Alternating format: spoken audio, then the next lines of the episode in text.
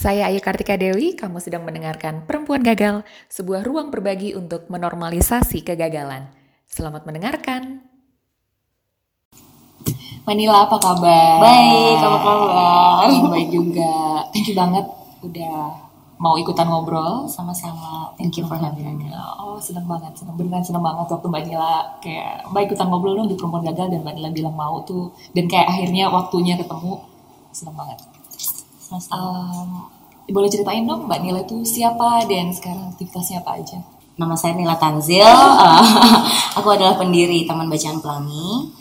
Uh, Taman Bacaan Pelangi itu adalah organisasi non-profit di mana fokusnya adalah untuk mengembangkan kebiasaan membaca anak-anak dan menyediakan akses buku bacaan yang berkualitas untuk anak-anak di Indonesia Timur. Oke. Uh-uh. Terus Jadi aku- jadi lu bikin perpustakaan-perpustakaan gitu Mbak? Iya, perpustakaan-perpustakaan di sekolah-sekolah di SD-SD di daerah-daerah pelosok di Indonesia Timur. Sekarang sudah ada lebih dari 100 perpustakaan di 18 pulau. Luar biasa, 100 perpustakaan di Indonesia Timur. lebih dari 100 dari Lombok sampai Papua gitu. Itu Taman Bacaan Pelangi. Uh, terus aku juga adalah founder dan CEO dari Travel Sparks. Itu adalah social enterprise di bidang travel yang mengusung spirit travel with a cause. Jadi misalnya Ayu bisa pengen traveling nih Iya. ke Indonesia Timur, Iya. nanti Travel Sparks yang aturin, itinerary-nya customized. Uh, Sepertinya good idea. Iya. Dan ada slotnya untuk volunteering di perpustakaan-perpustakaan Taman Bacaan Pelangi.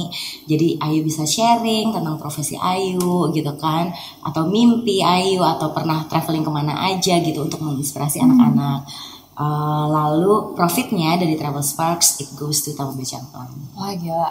gitu. Keren keren. Dan Mbak Nila udah berapa lama nih ngerjain kegiatan sosial-sosial kayak gini? Kalau Taman Bacaan Pelangi nanti bulan Desember 2019 itu kita ulang tahun ke-10. Oh, Mm-mm. Kalau Travel Sparks, aku mulai pilot.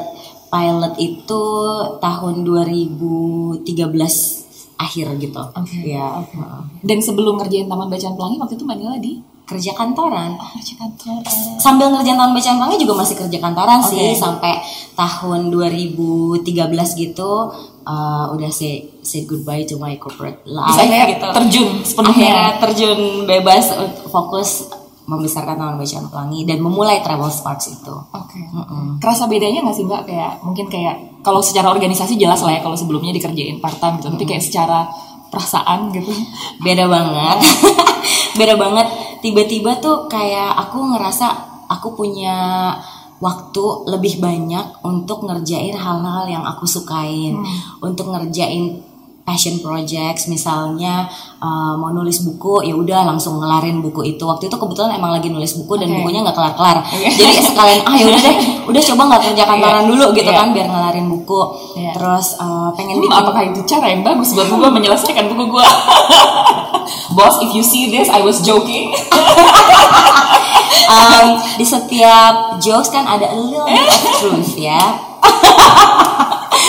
Heeh, jadi bisa ngerjain project-project lucu-lucuan gitu. Tiba-tiba kayak aku ngerasa I have all the time in the world gitu loh to do whatever I would love to do and uh, sesuatu yang kayak sebelumnya aku pengen lakukan tapi nggak ada waktu Iya. untuk itu gitu. Iya, Jadi lebih lebih ngerasa free juga karena nggak harus ngitungin cuti ya kan.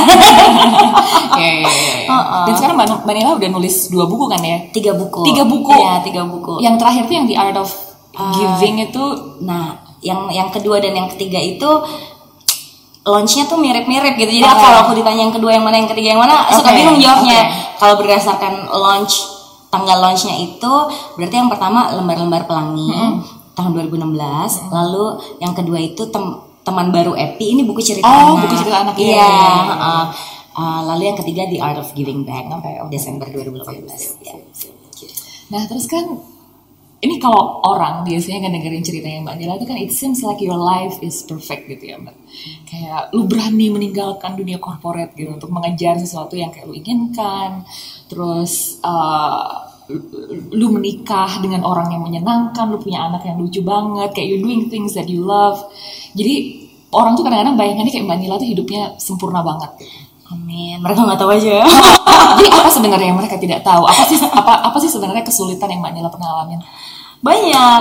Kalau eh, mulai dari mana ya? Oke. kalau sebagai ibu Hmm. Jadi Manila punya satu anak. punya uh, uh, punya satu anak sekarang Sienna umur 4 tahun. Empat tahun, empat Uh, uh. Tapi uh, jadi kan aku juga nikahnya juga telat gitu Hmm. kan.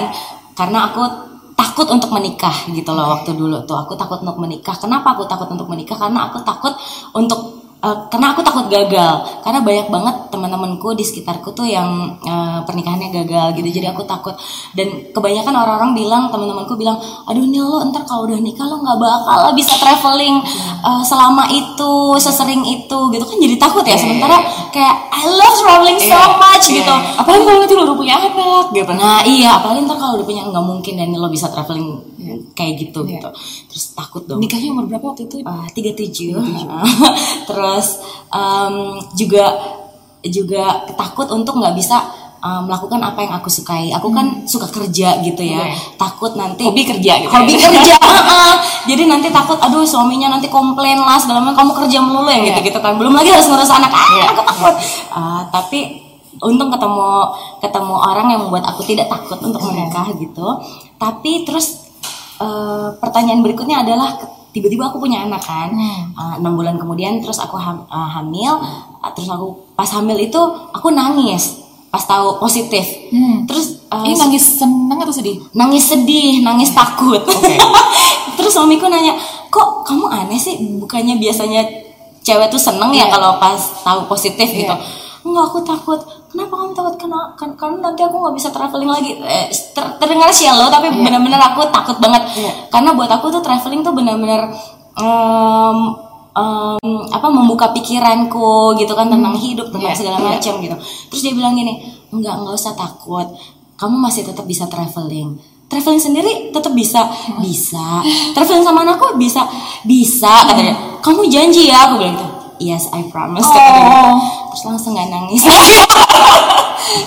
Terus pas aku punya anak, itu si Sienna dari bayi itu dia selalu underweight. Hmm. Nah, aku udah berusaha makan sebanyak-banyaknya sampai gemuk banget waktu itu karena aku takut uh, oh aku, aku aku mikirnya kalau aku makan banyak pasti aku memproduksi ASI yang banyak Iya, gitu. iya. Ternyata nggak ngaruh Oh, ya. baik. Heeh.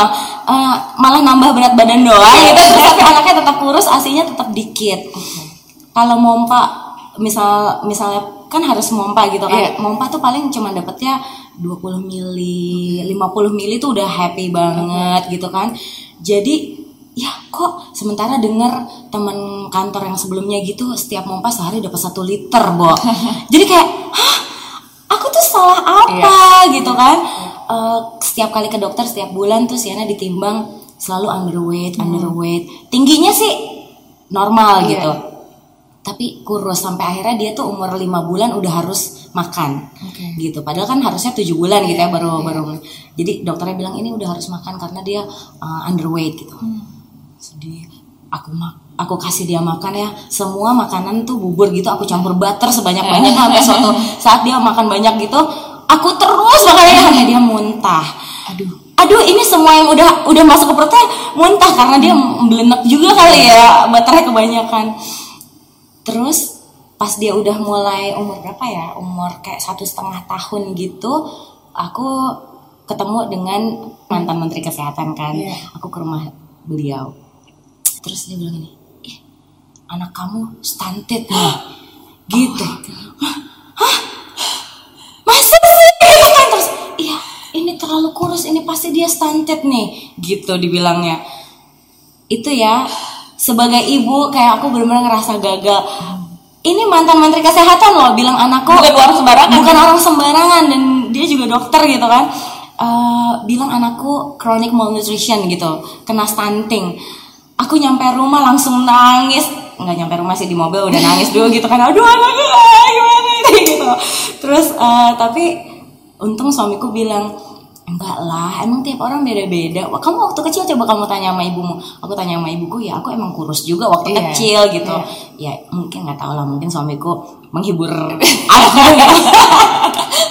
tapi masalahnya dokter Siena tuh nggak bilang kalau dia tuh eh, kena stunting Iya, gitu iya, jadi aku iya. lebih lebih Lebih tenang juga lah lebih ya. tenang heeh. tapi di situ tuh aku kayak ngerasa gagal gitu loh sebagai seorang ibu gagal membuat anaknya gemuk kan nggak tahu ya kalau di Indonesia kayaknya kalau ngelihat anak gemuk terus oh sehat Iya, ya iya, gitu iya. oh lucu dan apa pokoknya nutrisinya cukup gitu kan kalau ngeliat anak gemuk gitu. Dan kalau ngeliat anak yang kurus gitu masih kayak kasihan ya. Iya langsung orang-orang pasti langsung kayak dikasih makan ini, ini, ini, ini gitu.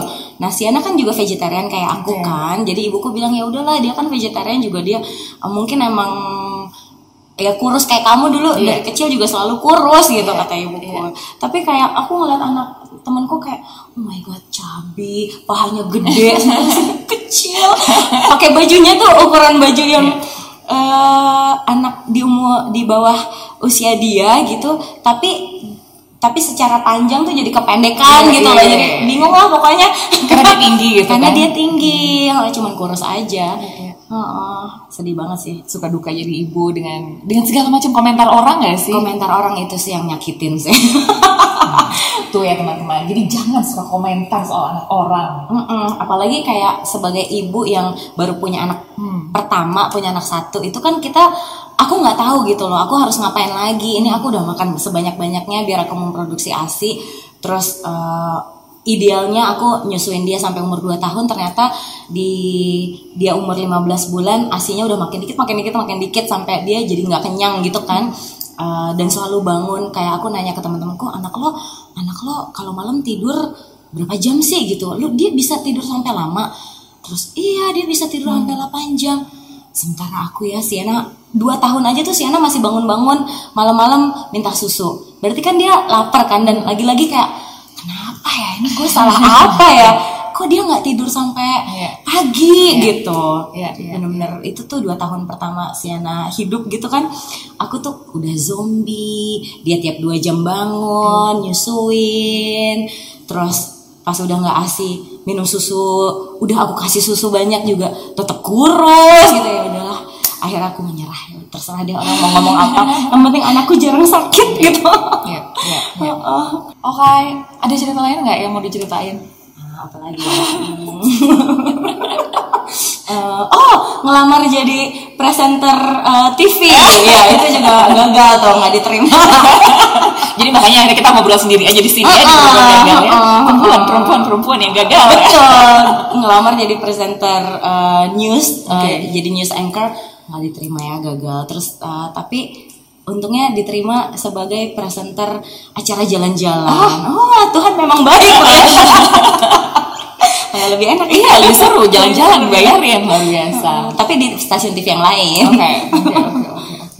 Oke, thank you banget Manila udah ngobrol dan senang banget nih bisa ngobrol banyak dan kayak I truly, truly, truly happy bisa ngobrol sama Manila. Sama-sama, thank you for having me. Thank you for having this program. Ini acaranya menurutku keren banget sih project ini sih. Yay. Terima kasih.